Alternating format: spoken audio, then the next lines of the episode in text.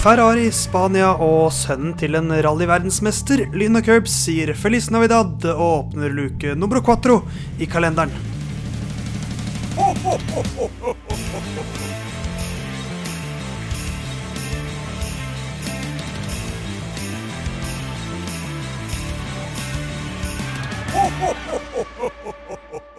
Julekalenderen, din favorittjulekalender kanskje, til lyden av Curbs, fortsetter.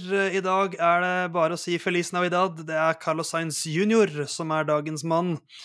Dagens mann, et gammelt program med masse hop, eller? Jonathan Halvorsen? Herregud, Theis. Ja, det er uh, ah, Nei, det der er en smal uh, referanse, altså. Av og til Jon, så lurer jeg på hvordan hjernen min funker. For Ja, jeg har jeg ikke tenkt på Dagens mann, det gamle gamle TV-programmet, på mange år. Ja. Men i dag dukket det opp, selvfølgelig når vi skal snakke om Carlos Sainz. Um, men det går bra med deg fortsatt? Bare en kjapp check-in. ja, det er verdens lengste sykdom, det her, men eh, det Har du ikke gått til legen snart? Jo, det går gradvis bedre og bedre. Ja. Ja, Det er så fint å holde den eh, illusjonen om at vi møtes hver dag for å Ja. spille inn en 10-15 minutter. Eh, og at ikke vi spiller inn i bolkevis. Nei, nei, for Men- det gjør vi jo ikke. I Carlos Sainz sitt liv så har årets sesong vært litt rar. Uh, han blir til slutt nummer syv, og ender da bare seks poeng bak hans store helt og eh, medspanjol Fernando Alonso. Eh, nummer syv i seg selv ikke en sånn veldig god sesong for Carlos Sainz. Det er hans dårligste VM-plassering siden 2018. Eh, I McLaren så ble han da nummer seks to ganger på rad. I Ferrari har han blitt nummer fem to ganger før han ble nummer syv i år. Eh, og blir også til slutt da slått av eh, Charles Leclerc, så vidt det er, med seks poeng etter en litt sånn kjip uh, avslutning på sesongen. Vi skal komme tilbake til det, men før det så skal vi høre litt fra vår gode venn og kollega Herman Borgstrøm. Hva føler han rundt årets sesong til Carlos Sainz? Carlos Sainz Jeg føler jo fortsatt at det er et slags verdensmesterpotensial i, uh, i Sainz. Og det er noe stabilt over det han holder på med. Så på en måte når det går dårlig, og det er helger hvor det går for treigt, så er det allikevel en eller annen form for stabilitet i det. Um, og jeg tror jo hvis jeg skulle satt eh, pekefingeren på hvem av de to Ferrari-førerne som skulle blitt verdensmester først, så ville jeg akkurat nå sagt at det var Sainz, ja, altså. Selv om Leclerc er raskere og litt kulere på mange vis. Men Sainz Nei, jeg syns, øh, syns han har hatt en fin sesong, jeg. Han, vi fortsetter å messe om at Carlos Sainz er eh, den neste Messias. Og jeg er altså Eh, så rasende, jeg, Tess, på Ferrari i det siste løpet, hvor de klarer å loke til Driver på med sånn der goal eh, det, Fisking.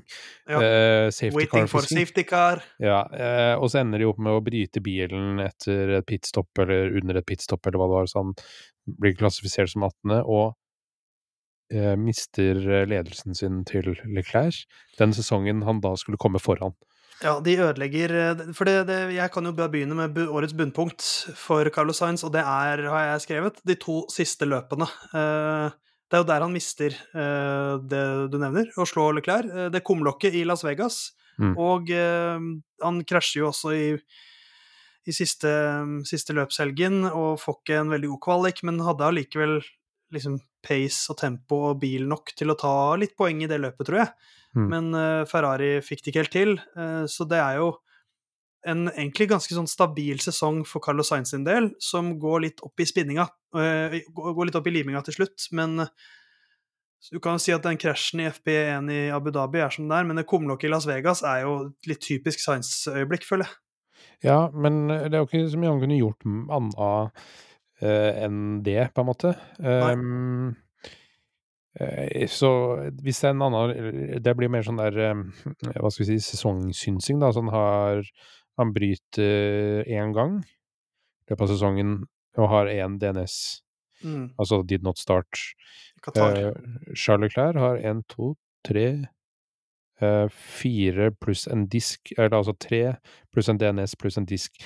Eh, Det er noe som tyder på at det er noen poeng tapt som ikke nødvendigvis heller klær sin feil. Um, så det er på en måte kanskje det som er bunnpunktet, det at han heller ikke klarer å slå ham med så mange Nei. brytninger.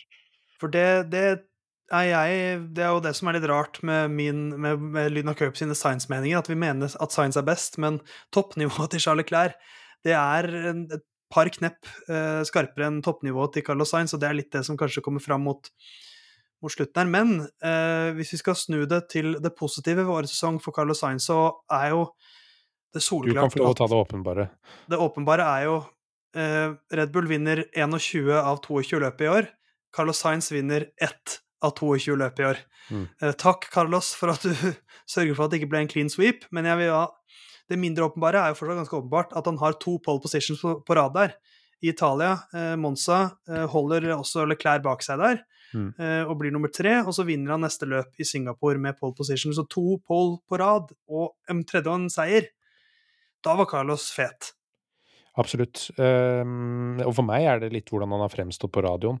Uh, er jo Russell kanskje blitt min nye favoritt på radio, uh, for han er så utrolig forbanna. Men, uh. Men Carlos Sainz manøvrering eh, strategisk, altså uten å bruke ratt, men med stemme og tenking mens han kjører, er for meg et, eh, et av hans høydepunkt uten hvis, vi ser bort fra det helt åpenbare, da. Ja, han er en smooth operator, eh, og det viser han også litt i år.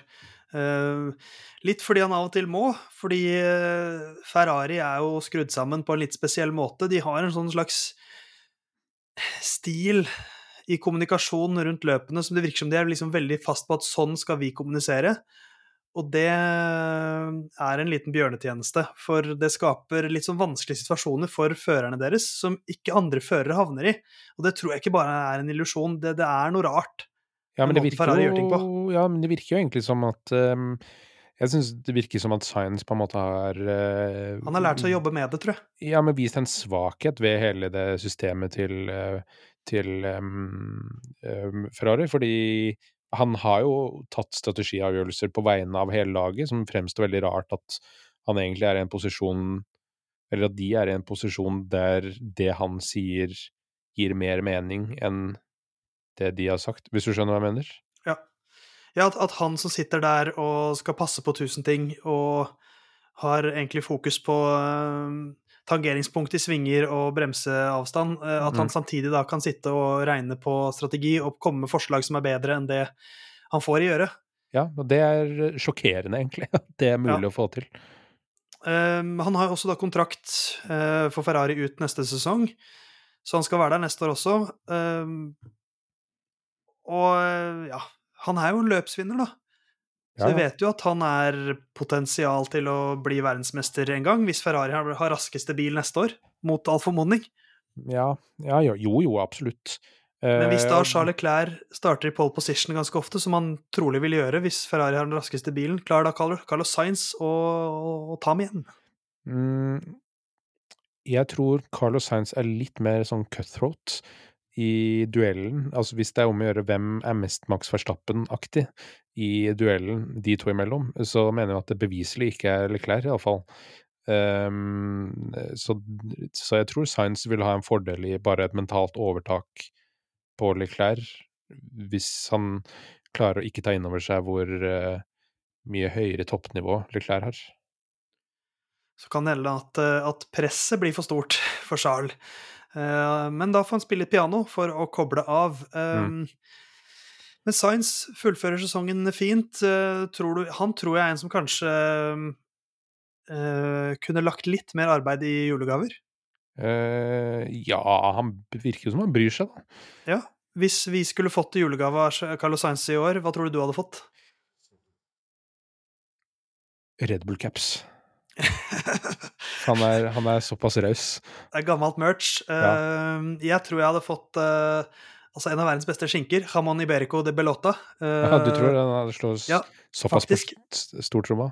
For han er en matglad fyr, og han er også veldig stolt over å være fra Spania. Så jeg tror han hadde fleska til med den feteste skinka de har i Spania. Ja ja, hvorfor ikke? Så takk for uh, litt god skinke, Carlos. I morgen skal vi til eh, en av få førere som kanskje hadde forstått episoden om han, fordi vi snakker på norsk. Ja, Og kanskje han hadde skjønt noe av det. Ja. Mer om det i morgen. 5. desember er det da.